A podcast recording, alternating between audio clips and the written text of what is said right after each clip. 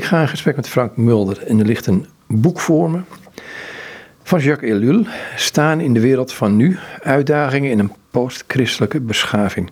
Opnieuw vertaald door dezelfde Frank Mulder waar ik mee in gesprek ga. Um, staan in de wereld van nu. En we, we, hebben net even zitten praten over een groep die heet De Zotten of iets dergelijks. Wat is het nou? De Karavaan der Zotten. Karavaan der Zotten. En dan komen we, via Jacques Ellul was dat. Ja, ik wil eigenlijk bij het boek beginnen, maar laat ik toch met die Karavaan der Zotten beginnen. Want dat raakt wel aan datgene wat hier in het boek staat. Um, het voorwoord heb je het erover dat iemand naar je toe kwam van... hoe kan ik nou christen zijn in deze tijd? En het is de vraag die ik mezelf stel, die jij jezelf stelt. En jij zegt, ja, moet je naar dit boek gaan? Um, en het was niet meer voor de handen, dus je hebt het opnieuw moeten hertalen of vertalen. En maar eerst naar die karavaan der Zotten toe. Wat, wat, is het voor een groepje? Ja, we zijn een groep schrijvers die op zoek zijn naar verhalen die ons kunnen helpen om een nieuwe, nieuwe vorm te vinden voor ons, ja, voor, voor ons geloof. In, in een tijd waarin we verschillende crises op ons af zien stormen. Er komt storm aan en we hebben het gevoel, net als eigenlijk die Jacques Ellul dat al 75 jaar geleden zei, het gevoel dat de, de, de oude antwoorden niet, niet, niet kloppen. Uh, dat, dat die ons niet helpen om christen te zijn, om kerk te zijn, eh, terwijl we op de afgrond afstormen. We, voelen dat op verschillende vlakken. En er zijn, kijk, de, de, de crisis, de storm is natuurlijk altijd verbonden met geweest met het christelijk leven in de geschiedenis. En wij hebben het in de 20e, 21e eeuw misschien een beetje uit onze geloofsbeleving gehaald, die storm. Maar we zitten midden, midden in een storm. Hoe geef je daar vorm aan? Waar zie, je, waar zie je Christus dan nog? Hoe kan je Christus volgen? Uh, wat zijn de keuzes die je daarin moet maken? Hoe ga je om met de schepping? Hoe, wat geef je mee aan je kinderen als je in, misschien wel in Babylon zit? Zoals de Bijbel dat zou zeggen. En, de hangende tuinen. Ja, met de hangende tuinen, maar de, je ziet dat de muren aan het afbrokkelen zijn. Uh, wat doe je dan? Dus daar hebben wij een soort uh, een magazine voor gemaakt. En we, we, delen verhalen van mensen die zot genoeg zijn om, om daar onconventionele antwoorden op te geven. Die wild durven denken, maar wel Christus willen volgen. Ja, voor mij is een van de teksten die op dit moment enorm bezighoudt, is bijvoorbeeld um, dat in hem en door hem, maar voor hem ook alles geschapen is. En dan heb je het niet alleen over mensen, maar de hele schepping. Ja. En denk ik, ja, um, hoe staan we daarin? Hè? En in hoeverre, um, hè, we zeggen dan heel braaf zijn brandmeders. Nou, ik vraag me dat af. Ik denk dat we meer een soort priesters van die schepping kunnen zijn. Dat is ook een gedachte van Jacques Ellul. Dat wij, uh, de, hij heeft een boekje geschreven over de schepping. Dat wij eigenlijk, hij ziet ons als stem namens de schepping om antwoord te geven op de stem van God. Dus dat wij, ja, jij zegt priesters, dat, dat wij na, namens de schepping uh, de relatie met God uh, mogen onderhouden. En, en dat is een, dat is dus niet iets, iets alleen, nou, dat kan dus niet alleen maar iets theoretisch zijn of iets in dat moet iets moet verweven zijn met ons leven, met hoe we met die schepping omgaan. Nou, ik weet, ik weet niet goed wat jij wou zeggen met die priester. Nou, nou, nou priester, dat komt bij John Julius vandaan. Maar laat ik het gewoon houden op wat er in Romeinen 8 staat. Van de hele schepping uh, zucht in baresweeën. En eigenlijk kijkt men uit naar het openbaar worden van de Zoon God. En dan denk ik van ja, in hoeverre kunnen wij als uh, christenen ten opzichte van die schepping... Want wij zijn aan de verbindings... Misschien wel de verbinding tussen de schepping en God. Omdat hem aan te bieden, maar op wat voor manier?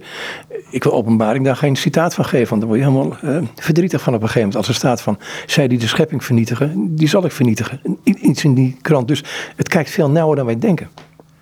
Ja, maar, je, maar je, je vraag was, hoe, hoe kan je dat dan dus doen? Hoe, hoe, kan, je, hoe kan je zo een, uh, die, die verbinding zijn? En ik heb het gevoel dat wij helemaal uh, uit elkaar gefragmenteerd zijn. Er zijn allemaal individuele gelovigen geworden. Maar je hebt vormen nodig om dat te doen. Je hebt vormen nodig om samen een antwoord te bieden. Een voorbeeld, in, tijdens de, in de middeleeuwen en de crisistijd gingen gelovige mensen samen wonen, kloosters oprichten waar ruimte was voor gebed, voor voedsel kweken, voor armen opvangen, zieken verzorgen. Dus ze gingen samen dus vormen verzinnen om, dus helemaal niet om een probleem op te lossen in de wereld, maar om het samen te kunnen ondergaan. Dat is, dat is een heel andere manier van denken dan. Uh, wat zijn in deze tijd de, de, de, vormen die we nodig hebben om samen weer iets te kunnen laten groeien als, uh, als soort van uh, getuigenis van, van een nieuwe wereld die gaat komen waar we in geloven? Een nieuwe vrederijk. Daar moeten we vormgeven met elkaar, maar we zitten met tot onze nek in Babylon. Hoe, hoe kunnen we dat dan doen? En, en ons gevoel is, en wat Jacques Lille ook al schreef, wij, wij zitten te, ons geloof heeft te veel de vorm aangenomen van uh, een um, burgerlijk, privé, moreel geloof. Ik weet niet, misschien zou je het zo kunnen omschrijven. Dus ons geloof is iets wat heel erg beschrijft wat we moeten vinden.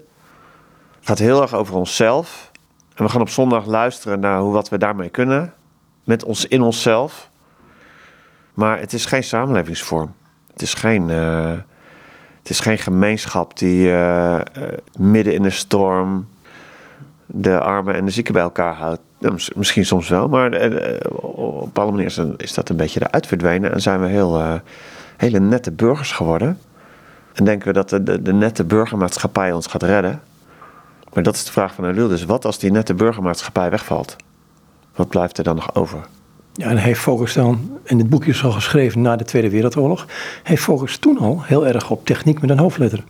Ja, dus hij ziet uh, dat, er, dat, er een, dat er krachten zijn in de maatschappij. Hij noemt dat techniek, die de wereld uh, willen beheersbaar willen maken en het efficiënt willen maken. Willen, die groei willen, meer snelheid, meer spullen, meer middelen, meer macht. hij zegt dat dat is een dat wordt een heel systeem aan krachten wat alleen nog maar vooruit wil.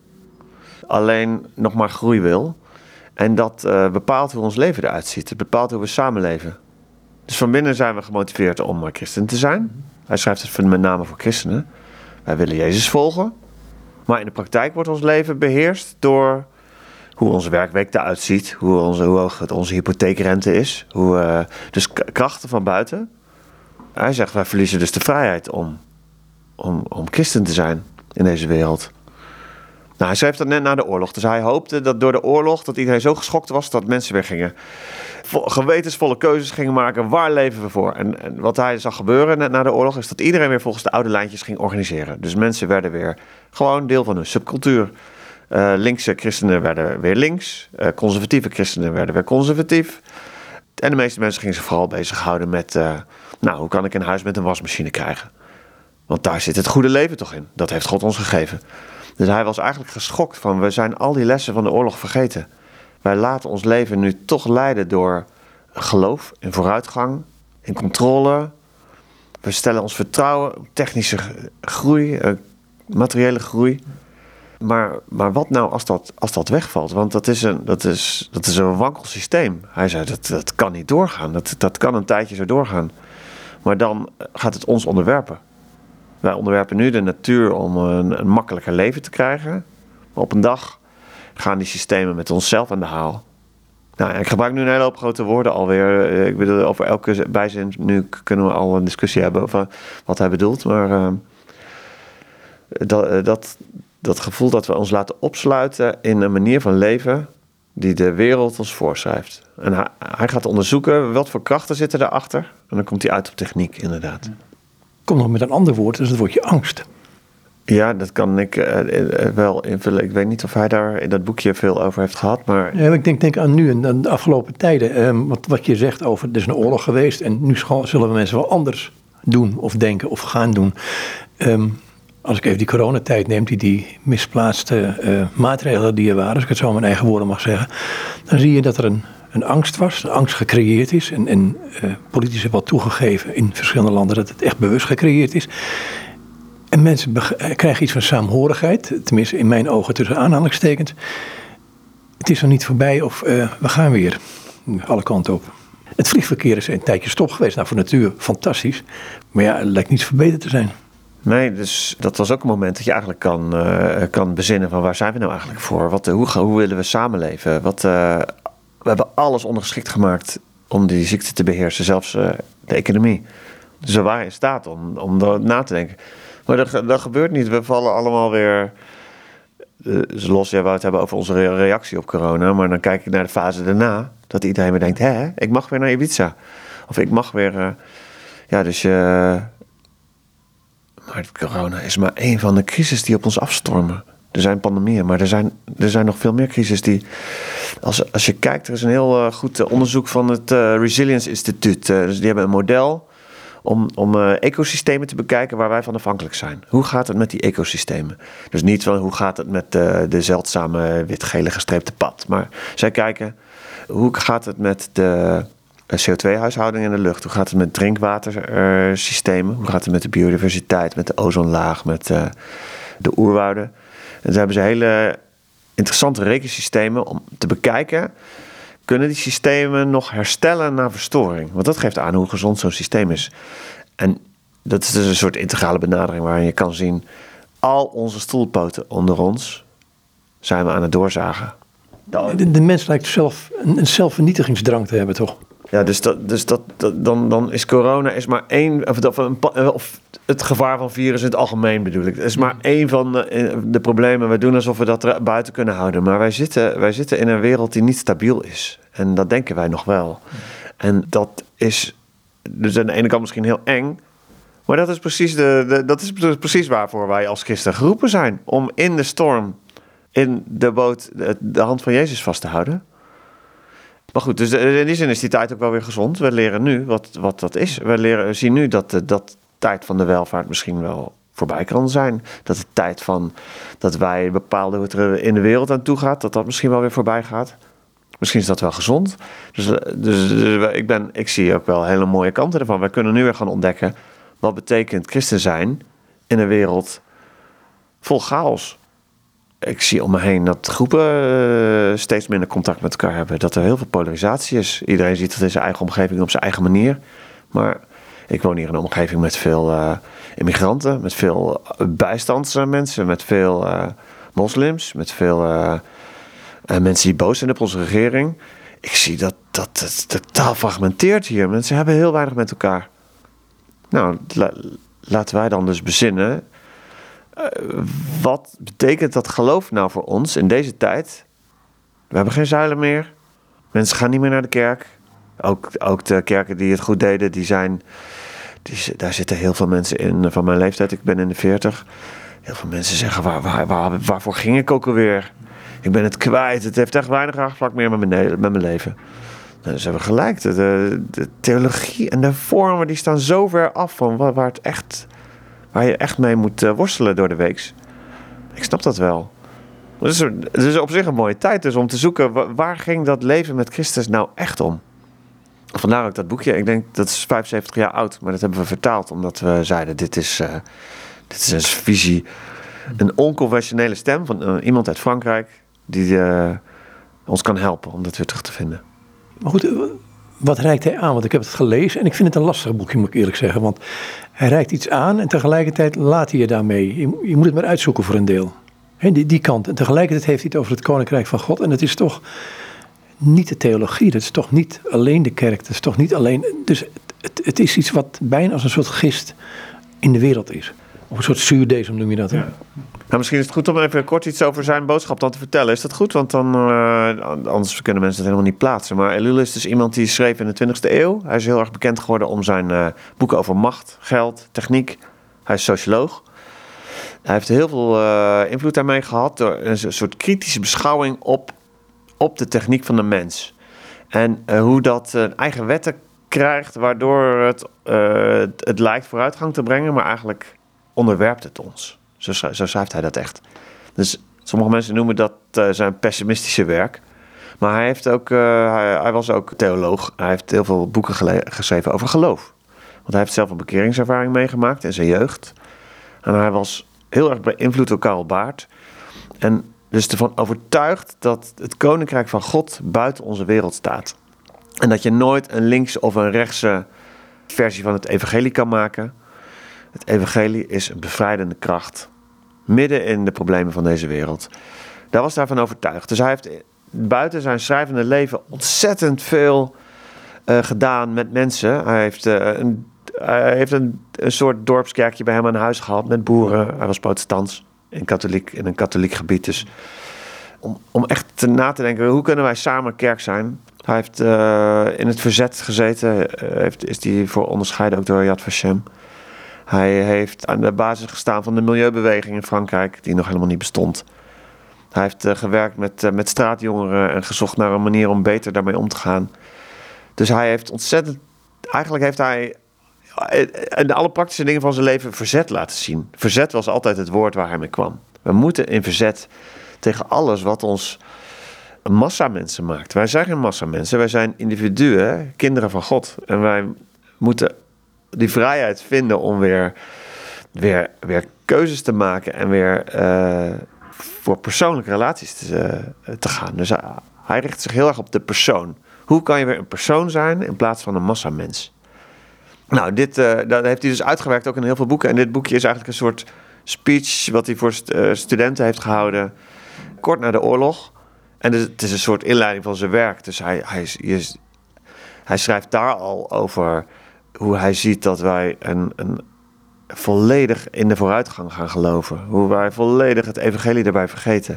En hij gaat zich afvragen, wat is nou in deze tijd waarin macht en techniek en uh, maakbaarheid weer de boventoon gaan voeren, hoe kunnen wij hier de vrijheid van, van Christus vinden?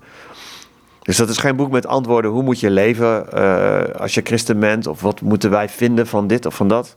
Hij beschrijft die tegenstelling tussen het westerse cultuur, christendom, wat, uh, wat voor de groei gaat. En zich in gaat zetten voor de maatschappij. En, dat, ja, en, en de uitdaging die Jezus ons geeft. verlaat alles wat je hebt. Laat alles achter je. Volg mij. Hoe doe je dat? Dus daar schrijft hij over. Ja, hoe, hoe, hoe doe je dat? Die vraag stel je aan jezelf in wezen ook. Want, want, eh, wat mij opviel toen je hier een rondleiding in het huis gaf, even, niet het hele project hier bekijken, maar je zag, we hebben hier een strook groen gezaaid achter het huis, of uh, struiken neergezet, en er zitten weer mussen. En dan was je, ja, daar ben je, heel enthousiast over. Dan denk ik, ja, dat is ook een vooruitgang van het Koninkrijk misschien wel. Ja, ik, ik, ik leer van Elul heel erg, die, die legt uit dat uh, wat wij, wij hij, hij is heel kritisch op mensen die zeggen dat, wij, dat ons geloof vooral over de hemel gaat. Maar hij is ook heel kritisch op mensen die zeggen dat wij het koninkrijk van God hier op aarde gaan vestigen. Voor hem is er geen scheiding tussen hemel en aarde. Dat vindt hij niet bijbels. Het gordijn tussen hemel en aarde zal worden weggetrokken. Uh, zo lezen we in de Bijbel. De, Christus is de Heer van de hemel en de aarde. En wij zijn hier niet alleen maar op weg naar ons zielenheil. Wij zijn hier op weg naar een nieuw, nieuw rijk. Maar wij gaan dat niet bouwen. Wij kunnen er alleen maar van getuigen. Wij zijn een soort ambassadeurs ervan. Dus wij moeten de, de donkere plekjes opzoeken en daar gaan getuigen. Dus ik woon hier in een omgeving met heel veel steen, midden in de stad. En ik vind dat niet zo. Dat is niet het leven, het goede leven wat God heeft gemaakt voor ons.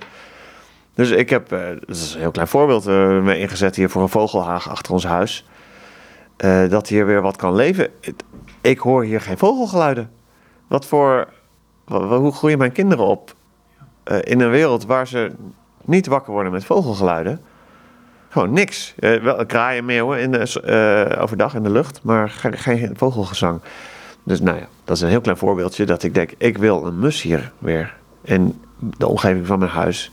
Omdat dat het goede leven is. En misschien wordt het wel weer platgewalst na over zoveel jaar, maar dat, dat, daar, gaat het mij niet om. We zijn geroepen om te getuigen van een andere wereld. Van hoop, van schoonheid, van goedheid. Maar daar horen ook de mussen bij. Ja, even, even de dingen die, ik ga naar die techniek toe, even de dingen die, en dat vond ik wel een apart gegeven in het boek, even de dingen die Elul zegt over techniek bijvoorbeeld en systemen. Hij zegt het is nooit neutraal. Dat kan niet. Ja, we denken dat techniek neutraal is. En uh, techniek uh, heeft het trouwens niet over de een of ander apparaat. Wat we, dat, uh, techniek is het hij laat zien achter zo'n apparaat, neem de telefoon of zo. Hij had andere voorbeelden hoor, maar wij denken heel vaak: wat doet de telefoon met mijn leven? Maar dat is heel uh, geïsoleerd denken. De telefoon heeft natuurlijk een enorm systeem achter zich van investeerders die winst willen, van bedrijven die verder aan het ontwikkelen zijn, van vrienden die ook dat apparaat gebruiken, van overheden die daar regels over hebben en dat kunnen gebruiken om uh, mensen op te sporen. Achter zo'n apparaat zit een systeem. En dat is wat hij techniek noemt. En hij zegt dat is niet neutraal. Want dat systeem dat heeft een bepaalde drive. Dat systeem is er niet alleen maar om jou een handige, om jou te helpen om de weg te vinden. Dat systeem is er niet om jou te laten bellen met je moeder. Het systeem is er om beheersing te krijgen, om de macht van de mens te vergroten, om ons meer capaciteiten te geven om ons leven efficiënter te maken. Dat is de drive. En dat is niet neutraal, zegt hij. Want dat, er is een tegenstelling tussen efficiënt en vriendschap. Om dat maar eens even te gebruiken als woord. Wat hij, heeft het over een tegenstelling tussen techniek en liefde, techniek en vriendschap. Menselijke relaties staan op gespannen voet met uh, efficiëntie. Is dat, uh, nu maak ik misschien heel ingewikkeld hoor, maar uh, er is niks mis, mis met iets, een, een, iets inefficiënts efficiënter maken. Maar hij beschrijft al hoe in het technische systeem, dus in onze hele economie, hoe wij de wereld aan het ordenen zijn, zijn we dingen zo efficiënt aan het maken dat de doelen die wij hadden, je, efficiënt doe je tot iets. Je, je wil efficiënt ergens komen. Maar als efficiëntie, uh, uh, als, als je daar heel goed in wordt, dan vergeet je waar, waar je heen wilde. Dan wordt het een doel op zich. Wij zijn, hij, hij, zegt, hij noemt dat middelen. Wij zijn middelen aan het vergaren om ergens te komen. Maar onze middelen worden zo machtig dat wij vergeten waar wij heen wilden gaan. Dus onze middelen in, in deze wereld zijn onze doelen aan het. Eerst aan het uh, afschermen, die zien we niet meer. En vervolgens aan het uh, ondermijnen. Want onze middelen worden worden als goden. Ik weet niet of dit precies antwoord is op wat je bedoelt. Dus, dus, dus dat technisch. Jij vroeg waarom is techniek niet neutraal? Omdat techniek een systeem is wat een eigen doelen heeft. Heel, een heel klein voorbeeldje. Iemand zei tegen mij van ja, maar je bent heel, ik ben heel kritisch op de, op de smartphone en op uh, sociale media. Maar iemand zei ja, je moet daar gewoon mee leren omgaan. Kijk, dus in het begin uh, zitten we allemaal te veel op onze telefoon, maar we kunnen dat leren, hoe we dat goed doen. Nou, het interessante is nu, dat gaan wij nooit leren. Want er zit een monster achter de telefoon. Dat monster bestaat uit investeerders die willen 12% winst per jaar. Zij zullen er alles aan doen om meer van ons leven te beheersen, meer van ons leven in te pikken. Dus zodra jij een evenwicht hebt gevonden, komt er een nieuwe app die je het evenwicht gaat verstoren. Wij moeten alsmaar meer via die telefoon doen. En heel veel mensen vinden dit uh, overdreven van mij, maar die, ik, ik denk echt dat die geen verstand hebben van hoe, hoe die wereld achter die telefoon eruit ziet. Daar zit een monster wat ons leven wil. Wat onze alles wil beheersen, optimaliseren, beter maken, efficiënter maken, sneller, dynamischer voor de winst. Ik heb er altijd zoiets tegenover van uh, wat je ook al noemde van um, mensen noemden het vroeger een, of zeggen het is een communicatiemiddel. Nou, dat is het voor mij niet, want voor mij is communicatie altijd twee mensen die elkaar in de ogen kijken, die elkaar zien, die bij elkaar zijn. En dan weet ik wel dat het wel eens handig is om iemand te spreken in Oeganda, die dan via uh, FaceTime, hoe het allemaal heet. Maar, maar in essentie um, weiger ik ook vaak um, gesprekken via de telefoon of via de weet het meer te doen. Omdat ik zeg, nou, ik wil, laat elkaar gaan ontmoeten, laat een dag gaan wandelen, dan gewoon de tijd nemen voor elkaar. Wordt ook leidt tot vruchtbaarheid, denk ik. Een andere, term die je dus niet in, bij techniek tegenkomt. Ja, de, nee, dat klopt. Dus dat dat persoonlijke, dat wordt, uh, dat wordt natuurlijk ondermijnd door het ideaal van snel en efficiënt. En dat, dat voel ik ook in mijn eigen leven, want je kan veel meer als je digitaal werkt. Je kan veel meer mensen bereiken, veel sneller werken, taken sneller afronden. Maar het is moeilijker om met je buren te praten. Moeilijk, de drempel wordt groter. Het is moeilijker voor jongeren, dat zie ik op de middelbare school waar mijn kinderen heen gaan, om met elkaar te praten in de pauze. Ja, waar moeten we het dan over hebben? Vragen ze dan aan mij.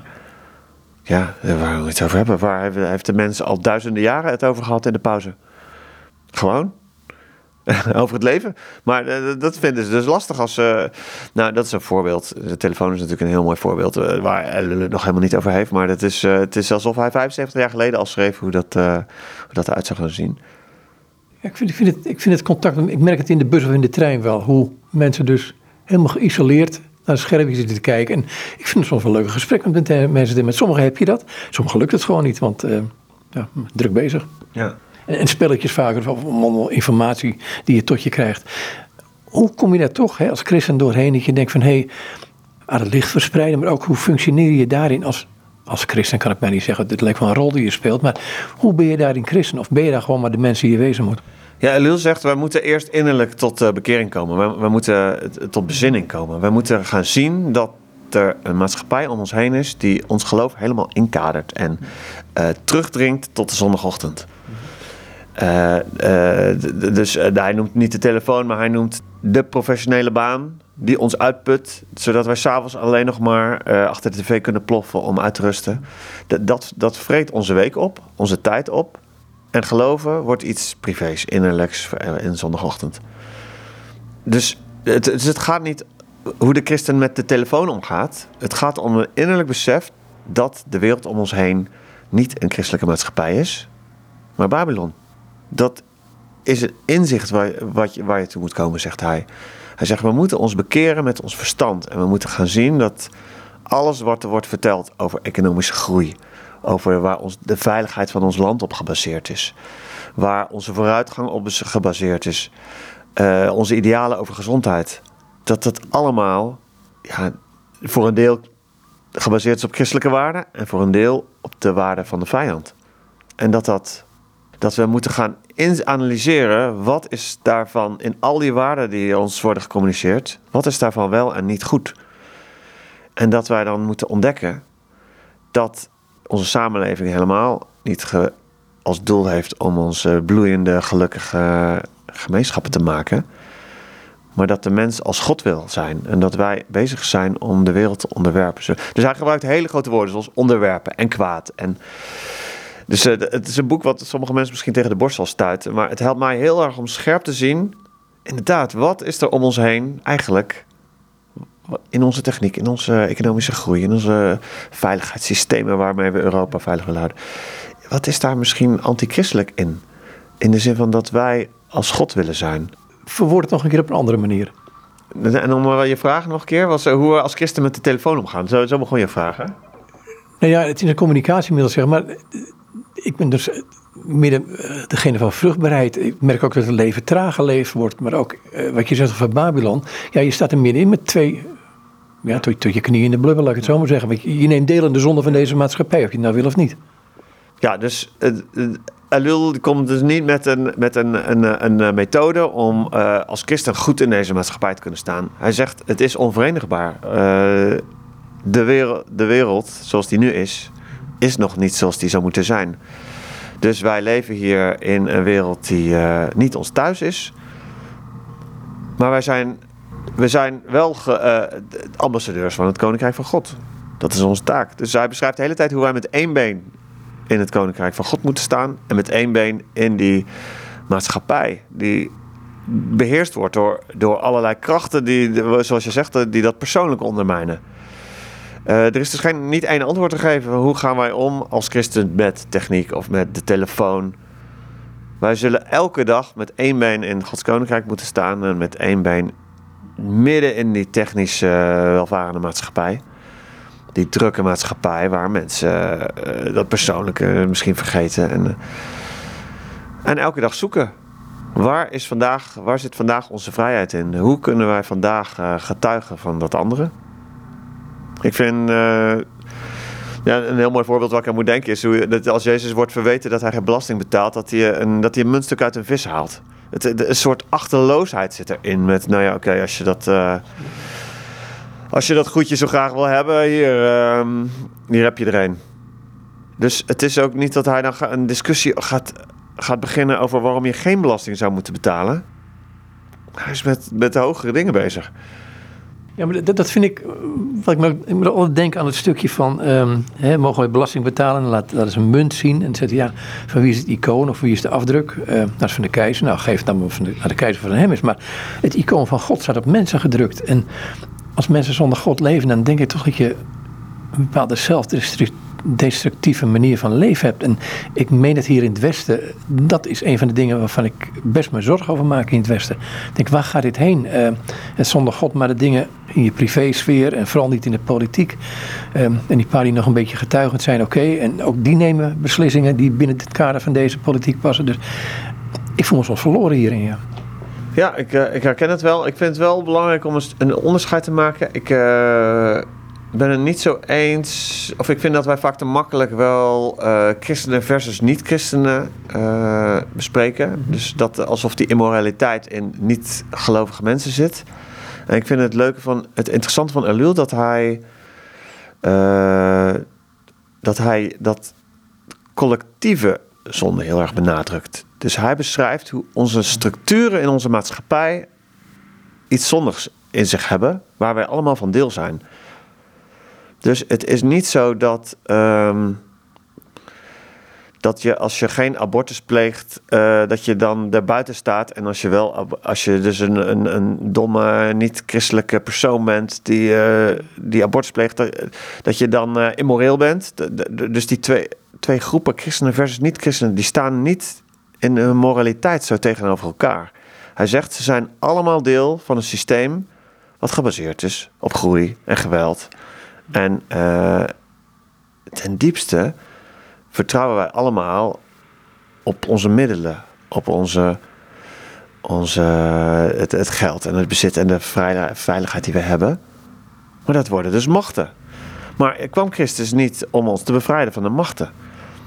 En dat is, dat is een perspectief dat wat een beetje ehm, verrijkt, wat verrijkt vind ik. Hij heeft het dus niet over hoe Christus ons bevrijdt van onze individuele zonden, wat hij ook gelooft.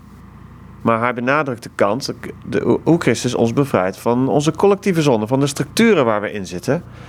Dus, dus de spullen die ik heb, we, hadden het net over de telefoon, de, de, de grondstoffen daarvan, die, die, komen voor een deel uit mijnen waar, waar kinderen voor hebben gewerkt. Dat is voor een deel geroofd uit landen door bedrijven die daar niet horen. Er zit onrecht in, in hoe ik leef. Dus dan kan ik heel een mooie, nobele christelijke visie hebben op, uh, op allerlei ethische thema's. Maar ik ben verweven met het kwaad van deze maatschappij. Je, je, je deel, je, je, maakt misbruik van deze kinderen. En, en ik, ik had later een gesprek hierover met iemand. Ik zei van ja, uh, nou hoe erg dat is. En ik zeg, maar we vinden het eigenlijk helemaal niet erg. Want als moet je je telefoon wegdoen. Ja. En je computer wegdoen. Maar dan? Nou, nog veel meer voorbeelden. Ecologisch kan, kan je voorbeelden geven hoe ons leven, uh, de, uh, hoe onze consumptiestijl, het eten wat we eten, hoe dat een verband houdt met de ontbossing in, in, in de tropische gebieden. Ik, ik, ken, ik ken vluchtelingen die in elkaar geslagen zijn aan de grens van Europa. Die mogen er niet in, omdat wij onze welvaart willen behouden. er zijn allerlei voorbeelden hoe wij eigenlijk door in deze tijd hoe wij gaan zien dat Paulus gelijk heeft. Paulus zei, al 2000 jaar geleden dat wij, dat wij strijden tegen machten en overheden en wereldbeheersers. En dat wij deel hebben aan die zonde. En dat hebben we heel vaak moreel proberen uit te leggen. Maar we zien nu dat, dat, dat wij economisch verweven zijn. We kunnen helemaal niet zomaar anders leven. Dus, dus even tot zover het slechte nieuws. Hè? Want uh, we hebben nu de hele tijd over alles wat erg is. Maar de vrijheid van Christus is natuurlijk dat, dat, dat het volgen van Jezus ons bevrijdt om daar dan mee om te gaan. Maar dus omdat je vraagt naar, uh, naar de, de, de, de slechtheid daarvan.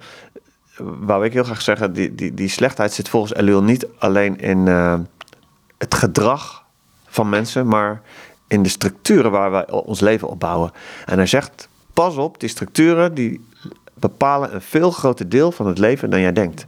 Als je denkt dat jij een christen bent die zelf bepaalt uh, wat je wel en niet goed vindt in, in, je omgeving, maar dat is niet zo. Wij worden, ons leven wordt gestructureerd naar de, de, de, de middelen die we hebben gekozen. De, de, de, dus de overheden, de machten, de technieken om ons heen. Hoe word je daar vrij van? Dat begint met de innerlijke keuze. Want hij zegt, je kan nooit, je kan nooit totale vrijheid daarin krijgen hier op deze aarde. Maar van binnen kan je zeggen, ik wil ermee breken. Ik geloof het niet meer. En daar begint, het, daar begint een nieuw leven. Nou, dit, dit, is, eh, dit lijkt mij al een hele lastige vraag. Omdat wij zo lang gewend zijn geraakt aan dat, eh, hoe wij hier in Nederland leven. Dat is goed. Het is gebaseerd op christelijke waarden. We hebben ons ingezet voor een bloeiende economie, voor een veilig land. Dat moeten we behouden. Dat is, het, dat is onze christelijke cultuuropdracht. En uh, Luel prikt dat door. Uh, ik denk dat we daar uh, met elkaar heel lang over moeten nadenken. Hoe, hoe, hoe, denk jij erover nou? Want je hebt die karavaan van Zotten. Um, hoe wordt er over nagedacht? Want het is een, het is een eigenlijk zou ik nog twee andere dingen bij elkaar willen zetten, die ik dacht Shekel Elul ook noemt. Um, het gaat niet om moraliteit, maar het volgen van Jezus. En daar lijkt een spanning in te zitten. Ja, moraal, eh, even in mijn vertaling, moraal is, gaat over welke regels over wat wel en niet goed is, of wel en niet gepast is. En, uh, en uh, Elul heeft het veel liever over ethiek. Dus veel meer uitgaan van welke keuzes moet je maken in je leven om bepaalde waarden te laten groeien, bloeien. De waarden van het Koninkrijk van God. En dat is niet altijd te vangen in ethische regels, of in morele regels bedoel ik. Het gaat hem niet zozeer om moraliteit weer hem, maar meer om het volgen van Jezus. En, eh, maar wat is dat dan? Want daar moet je heen gaan, wil je naar de kern komen om enigszins in een bepaalde vrijheid in deze wereld te staan. Ja. Het lastige van als je, als je het christelijk leven in, in een aantal regels giet of in een moraal giet, dan loop je vast omdat wij zo verweven zijn met alle, allerlei zonden. De moraal heeft de geeft vaak de illusie dat je goed kan worden. En dat kan niet hier in dit leven. Zeker niet in een moderne stadse leven. Dan ben je verweven met allerlei vormen van onrecht. Dus moraal helpt ons daar niet uit. En eh, Jezus zegt dus ook: volg mij. Dus die jonge man, jonge man die bij hem kwam en die moreel gezien misschien heel juist was, zei Jezus: geef alles op en volg mij. Dat, dat is de vraag. De vraag is niet hoe jij goed kan worden. En uh, dan moeten we, de volgende vraag is natuurlijk, hoe kan je Jezus gaan volgen? Ja, dat is uh, een grote vraag om heel eventjes uh, te beantwoorden. Nou, probeer. ja, het, ligt, het, ligt, het is tot de grondslag van dit boek voor een deel. We leven in een postchristelijke beschaving. Maar toch, uh, je staat in deze wereld. Dus hoe, daar gaat het hele gesprek in wezen. Hoe kan ik dan toch Jezus blijven volgen? In de wetenschap dat ik ook deelneem aan datgene wat verkeerd is in deze maatschappij. Ik moet een beetje aan Daniel denken in Babylon. De Elul benadrukt heel sterk dat het. Hij begint heel sterk bij het koningschap van Christus. Dus het beseffen dat Christus de Heer is van alles. Dus ook van deze schepping en ook van deze wereld, ook van jouw leven. En dus ook sterker is dan Poetin of Biden. Sterker dan onze kernwapens, sterker dan onze milieuvervuiling, sterker dan onze eenzaamheid en onze polarisatie in ons land. Dat is allemaal tijdelijk en eindig. En daar, kunnen we, daar moeten wij dus ook niet op bouwen. We hoeven ons leven dus ook niet te leiden in gevecht daarmee. Maar we moeten er niet op bouwen. We moeten niet bouwen op onze economische groei. Geef het geld weg wat je hebt, zegt Jezus. Dan ben je vrij. Dus het is heel concreet. Wil je Jezus volgen? Geef weg wat je hebt. Dan, dan, dan begint er vrijheid te komen. En dan begin je vrij te worden van machten die nu nog je leven structureren en bepalen. En uh, als, je, als je veel ruimte voor jezelf hebt en, en zo gewend bent aan privacy en een eigen tuin, ga het delen. Als je deelt, dan, dan ontdek je pas waar het pijn gaat doen en waar, waar de macht zit die het over je heeft. Als je veel status hebt en opleiding en privilege, dan kan je dat ook. Er zijn ook manieren om dat te delen. Om uh, ga vrienden worden met mensen die het niet hebben. En dan ontdek je ineens hoeveel macht het over je had. Dus ik, dat is een mogelijk begin van een antwoord uh, wat ik zou geven. hoe moet je Jezus volgen? Ik merk dat ik wel een moeilijke vraag vind. Wat, wat, is dan. Ik denk aan de luisteraars. Wat. Ik denk ook aan mezelf. Ik, vind het best een hele wezenlijke dik. En tegelijkertijd, want dit houdt me nou een aantal jaren bezig. Van hoe kun je in die maatschappij die zo um, ja, als lemmingen op de afgrond afdendert, noem ik het wel eens. Hoe kun je er toch Jezus blijven volgen zonder dat je helemaal meegaat in het hele systeem? Tegelijkertijd ga je mee in het systeem en volg je Jezus. Dus het heeft ook een aantal hele praktische dingen. Als, als uh, ik vind een bijbelstudie in een bidstond en, en dingen die we niet onder tafel uh, moeten of kunnen schuiven. Maar dat hoort er ook bij van mij. Dus het ja. gewoon het simpele christelijke leven. Ja. Ja, wat, wat daarbij hoort, denk ik, is dat je, dat je andere mensen opzoekt. En ik mis heel. Ik, ik, ik zie heel erg in ons, in ons land dat wij. Uh, dat, dat, ik zie veel mensen die dat niet meer vinden in de kerk. Omdat dat. Uh, het zijn vaak, onze kerken zijn vaak regionale kerken geworden. Mensen waar je niet het leven mee deelt. Dus ik zou zeggen, zoek mensen weer op in je buurt. Zoek mensen op in je directe omgeving of in je beroepsgroep. Maar ga het leven weer delen. Omdat we samen kunnen getuigen van Gods koninkrijk. Het kan niet in je eentje. Het kan bijna niet in je eentje. Want we worden vermorzeld door alle krachten om ons heen. Dus zoek elkaar op en, en ga weer manieren vinden, inderdaad, om samen te bidden. Of om samen voor iemand te zorgen die op straat leeft. Of uh, uh, voor de natuur te zorgen. Om samen te zorgen voor schoonheid en hoop. En dat samen is wel belangrijk, ook in het denken van Elul, omdat het samen juist wordt ondermijnd door techniek en dynamiek en economische groei. We beseffen dat vaak helemaal niet, omdat wij zelf de, de vruchten plukken van de economische groei. En, en waarschijnlijk ook in een bepaalde bubbel leven, of het nou wil of niet. Ja, dus wij leven in een bubbel uh, met, uh, met mensen die op ons lijken, maar we beseffen niet hoe ver, hoeveel mensen hier uh, buiten vallen. Ik heb wel eens een onderzoek gedaan naar, de, ik ben zelf journalist, onderzoek gedaan naar de, ik noemde dat de overbodige klasse.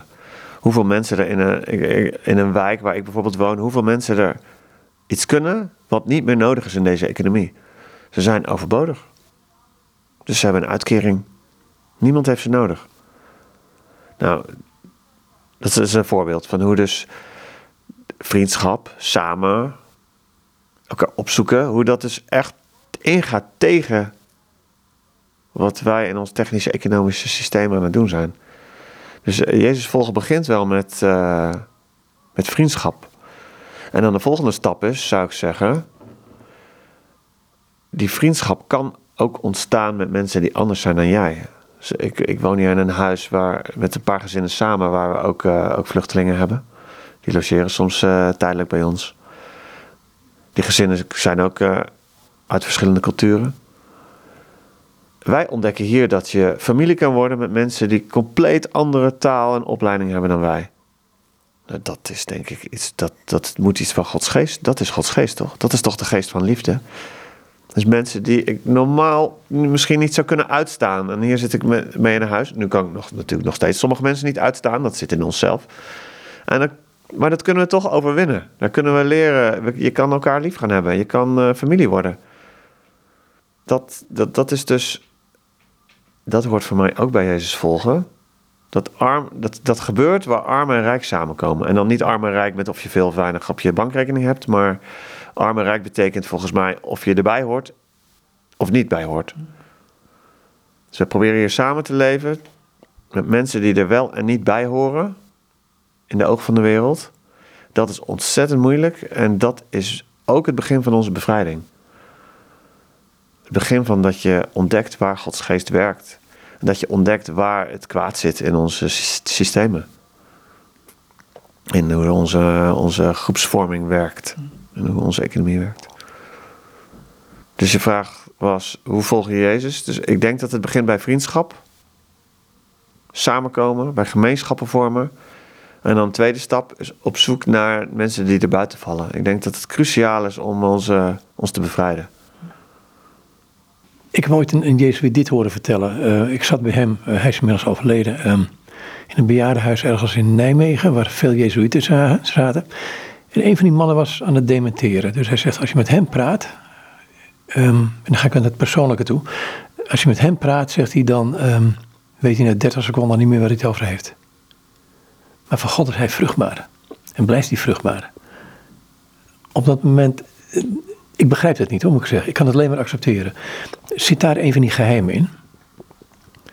Ja, dus dat zou je ook over ons kunnen zeggen. Wij zitten hier te praten met allemaal eh, grote woorden over hoe de wereld in elkaar zit. En het is journalisten eigen een beetje, want die horen overal een mening en een, een, een, beetje een helikopterview te hebben, heb ik ooit gehoord. Ik geloof er niet zo in. Ik denk, je bent op zoek eigenlijk. Tenminste, ik wel. Ik weet niet hoe het bij jou zit, maar eh, ik snap nog steeds een heleboel in het boek niet. Ja, maar ik wou dus zeggen, dus zelfs wat wij hier doen, zou voor God misschien wel uh, vruchtbaar kunnen zijn. Dus zelfs als wij hier, uh, we, hebben, we zijn hier niet uh, iets nuttigs aan het doen, zou je kunnen zeggen. We zijn hier onze meningen aan het geven, maar misschien heeft dat zelfs zin. Ja. Nee, dus ik, in die zin staan wij op één lijn met iemand die maar 30 seconden weet waar, waar die het over heeft. En, nee, dus, dus God kan vrucht geven aan wat wij doen. Ja, nee, dat ben ik mee eens. Maar, het is ook een heel raar gegeven dat wij dat bijna niet eens in de hand hebben. Of misschien helemaal niet in de hand hebben. Op een bepaalde manier. Een andere manier weer wel. Ja, dus wij kunnen alleen maar geven wat we hebben. We, we kunnen ons uh, proberen elke dag na te denken: hoe kan ik God eren? Hoe kan ik Christus volgen? Maar wat er wel en niet van blijvend is, ja, dat uh, is niet aan mij. Het, Henry Nouw heeft een mooi verschil tussen, tussen succes en vrucht, vind ik. Dus hij zegt: Ga, ga, richt je niet op wat succes of prestatie of dat je iets bereikt, maar richt je op dat je vrucht kan dragen. En dat heb je niet in de hand. Dat kan je dus ook niet claimen. Die vrucht is ook niet alleen van jou. Uh, het is ook soms na je dood pas. Het is, soms ga je dood, uh, moet je doodgaan om vrucht te dragen. Of moet je bedrijf doodgaan. Of jouw clubje. Of je kerk. Maar dat, als je dat in vertrouwen kan doen, dan kan dat vrucht krijgen. Maar dan kan je het niet meer claimen. Dus dat is. Zo proberen wij hier ook in het leven te staan. Met, we hebben een woongroep waar we allerlei projectjes doen. We hebben een winkel en we hebben een, een buurtkerk met een aantal mensen in de buurt. En we hebben, ik heb een natuurgroepje gehad. Je, je probeert allemaal dingetjes. We vangen vluchtelingen op. Ja, dat worden allemaal weer losse kringetjes. Waar weer bepaalde vrijwilligers of vrienden op afkomen die mee gaan doen. Dat gaat soms zijn eigen leven leiden. Heb je, daar heb je de hand niet meer in. Maar dat, eh, dat is dus blijkbaar een virus wat, wat wij aan hebben over kunnen dragen. En dan gaan anderen er weer mee door. Ja. Ligt, ligt naast ten diepste het, het, geheim ook, hè? Wat, we, wat we eerder in het gesprek hadden over die onzekerheid die er op dit moment is. Um, de angst die gekweekt wordt, uh, soms bewust, soms onbewust, maar mensen gewoon in meegaan. Um, dat dit die antidoot is, dat serum misschien wel. Ja, wat, is precies de antidote? Nou, dat, dat, dat, dat wat je nu beschrijft van het volgen van Jezus in die kleinschaligheid, in, in hoe je met mensen omgaat, hoe je eigenlijk zijn leven door ja, uh, vrucht laat dragen door jou heen of door anderen heen, weet ik hoe je het noemen, noemen wil. Ja, dat, ja dat, dat begint in het klein, is daar, eh, kan je daar dus een soort tegengif in vinden. Jacques eh, kwam al met de leus Think Global, Act Local. Dat is nu door de milieubeweging overgenomen. Maar dat, in de jaren dertig zeiden zij, zei hij en zijn vrienden zeiden dat al. We moeten die structuren proberen te snappen. We moeten begrijpen wat er gebeurt in de, met die massavorming en uh, hoe economische groei en nationalisme werkt. Nou, we moeten in het klein lokaal antwoord geven, want daar gebeurt de vriendschap. En vriendschap is, uh, is voor mij een vorm van die liefde waar de Bijbel het over heeft. De liefde is, heeft zo, daar hebben we zoveel romantische ideeën bij, dat ik vaker steeds vaker het woord vriendschap wil gebruiken. Dat geeft aan waar het om gaat. En dat is lokaal. En uh, als, zolang dat, ja, dus dat moet je laten groeien, daar moet je in investeren. En dan gebeuren er ook dingen, als je met vrienden samen dingen gaat doen, plannen gaat maken, elkaar gaat helpen om je geld weg te geven, of elkaar gaat helpen om voor de natuur te zorgen, of eh, elkaar gaat helpen om. Uh, samen met armen en rijk samen een bedrijf op te zetten. Of ik, ik noem maar eh, iets wat je zou kunnen doen. Anders zijn dan deze wereld. Als je, als je elkaar gaat helpen, dan ontstaan er ook uh, vrije ruimtes. Dan, uh, dan krijg je ook ergens bubbels van vrijheid waar, waar mooie dingen opbloeien. Waar mensen zich thuis kunnen gaan voelen. Waar mensen veiligheid kunnen vinden. Waar, uh, waar mooie schilderijen worden gemaakt en mooie muziek. En waar uh, feestjes ontstaan, waar uh, mensen van verschillende achtergronden samen staan te dansen. Dat je dan. Dat, dat gebeurt als je. Het begint denk ik bij vriendschap vaak. Is daar, ik moet John C. Wallace denken. En hij is in februari overleden, dacht ik. die zegt van juist in die, die verscheidenheid, hè, elkaar ontmoeten daarin, die verscheidenheid is ook nodig om tot gemeenschap te komen, zegt hij. Dus gewoon het, het feit dat je allemaal anders bent en toch met elkaar omgaat. Zeg nog eens wat. Uh... Die verscheidenheid. Um, hè, wat je zegt, je ziet het met verschillende culturen, um, ook hier in de buurt. Is dat niet ook niet een van, misschien wel een van de mooie voorwaarden om tot die gemeenschap te komen? Als je dat durft toe te staan. Dus ook die eigenheid van die anderen te laten wat het is.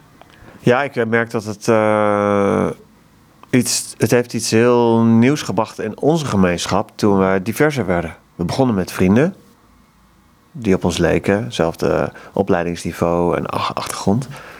En langzaam is dat veel diverser geworden. Sommige mensen zijn getrouwd en we kregen nieuwe mensen. We hadden vluchtelingen in huis. Sommige daarvan werden vaste bewoners. Dus we hebben nu een gemeenschap die veel diverser is en ook in leeftijd. En dan zie je, ja, dat is op sommige vlakken veel moeilijker, maar het is ook veel rijker. En dan ontdek je ineens wat, uh, wat, wat God kan geven. Maar ik vind, ik vind misschien begreep ik je vraag verkeerd. Wat, wat de verscheidenheid, dat dat belangrijker is voor gemeenschap.